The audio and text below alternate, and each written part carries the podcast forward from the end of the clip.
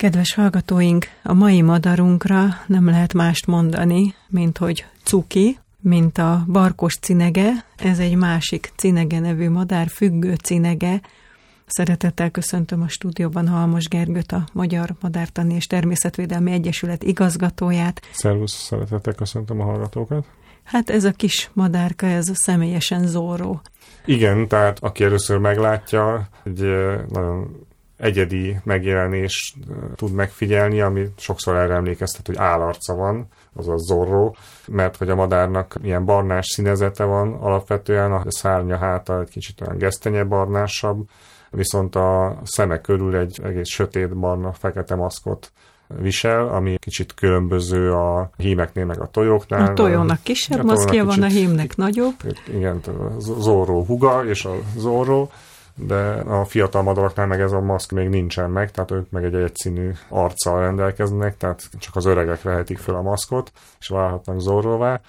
Egyébként pedig egy nagyon speciális faj, amit részben persze a külsejéről ismer, aki ismer, de a legtöbben a fészkéről ismerik, mert egy egész egyedi fészket épít, az élőhelye alapvetően vizes élőhelyek, nádasok, de a fészkét azt nem nádba építi, hanem a nádasok környezetében lévő fákra, mert hogy egy ilyen szőtt bugyorra fészke, amit lehajló ágakra mégis akaszt, ha úgy tetszik. Tehát úgy építi, hogy lóg az ágról. Igen, ez egy ilyen pamut gömb zsák tulajdonképpen, amit épít, pamut szütyő, Herman Otto írt erről a fészekről, a Madarak hasznáról és káráról című könyvében. Ez a kis remeklés oly tömött és oly meleg, hogy a Dunamenti füzeseket búvó rátság buzgón szedi, felhasogatja, hogy télidején melegítő kapcának használhassa kisgyerekének lábára. Igen, tehát ugyan vannak hasonló fészkek, de Magyarországon nem ismerünk, vagy hát az Európában lényegileg a függőcink egyedül, ami ilyet csinál. A szövőmadarak csinálnak hasonló fészket, de azok más anyagból csinálják általában. Tehát itt ez a pamutszerűsége az elsősorban nem pamut, hanem a tipikus nádi növényeknek, és magának a nádnak, vagy akár bizonyos sásnak a terméséből, illetve hát a repítőszőrökből szedegeti össze, és építi meg ezt a fészket, ami tényleg egy egészen ember és madár feletti teljesítmény, meg művészinek is lehet nevezni, mert olyan alakja van berepülő nyírással, ami teljesen zárt fészket eredményez, ami mégis a nála nagyobb madarak be se férnek, tehát ilyen szempontból egy hatékony eszköz a ragadozás ellen is, vagy hát egy kakuk se fér bele a függő cinke fészkébe. Milyen okos. Ma nem szabad leszedni, ugye?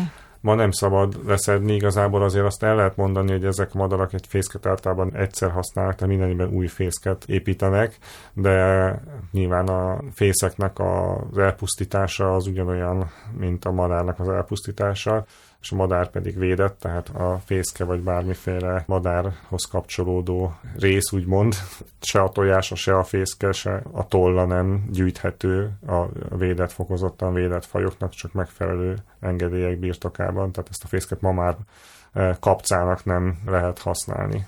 Egyébként nyilván az igény is ma már megváltozott. És hát a, de hazavinni dísznek se, na, de, fotózzuk hát le igen. Úgy általában azért azt szoktuk mondani, hogy a természetben járunk, akkor ha valami emléket akarunk, ma már rendelkezésre áll mindenféle képalkotó eszköz, hogy emlékeket tudjunk gyártani, nem feltétlenül kell bármit hazavinnünk onnan, meg leszednünk, meg összegyűjtenünk.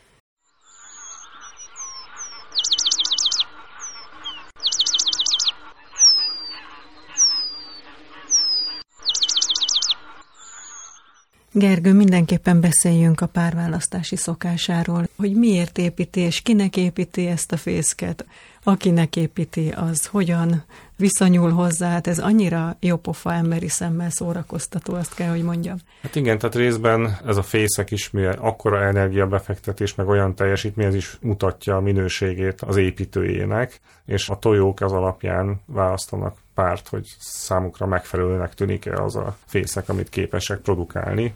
Tehát ilyen szempontból van egy ilyen leírt viselkedés, hogy mm, rendszeresen megvizsgálják, és hogyha nem tetszik nekik, akár bele is avatkoznak, és mutatják azzal, hogy kicsit szétszedegetik a fészket, hogy ez nem alkalmas, vagy nem jó. De konkrétan van, hogy le is veri a tojó a fészket. Igen, akár meg is semmisítheti, tehát hogy jelzi azt, hogy ez nem jó teljesítmény. Igazából ez mind olyan jellegű viselkedés, mint hogy korábban beszéltünk, akár a értelmetlenül bonyolult ének, vagy a pávának a tollazata, ami önmagában nem értelmes, hanem azért, ezt hívják ilyen ivari szelekciónak, azért fontos, mert hogy mutatja a minőségét a párválasztás során, és ezzel a hosszú evolúciós folyamat során végül is kialakulnak olyan viselkedési formák, vagy akár tollazatok, amik csak ezt a célt szolgálják, és hát erre kialakultak már olyan elméletek is, amik azt mondják, hogy végig ez azt mutatja, hogy ő képes ezt is elviselni, tehát olyan teljesítményekre is képes, amik számára károsak, tehát egy csomó energiát elpazarol, de hogy ő annyira jó, hogy még ezt is el tudja viselni, ezzel mutatja a minőségét, azt ilyen handicap elméletnek hívják, és ez egy nagyon logikus magyarázata annak, hogy miért tudnak ezek kialakulni.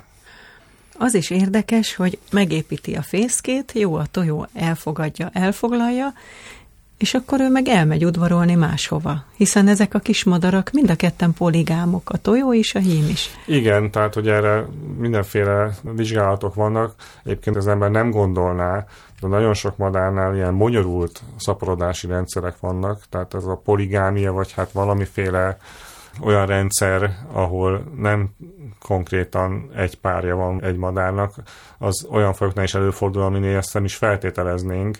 Egy fészekagyban is sokszor más hímek által megtenni tojásokat is nevel egy olyan hím, aki monogám párnak tűnik.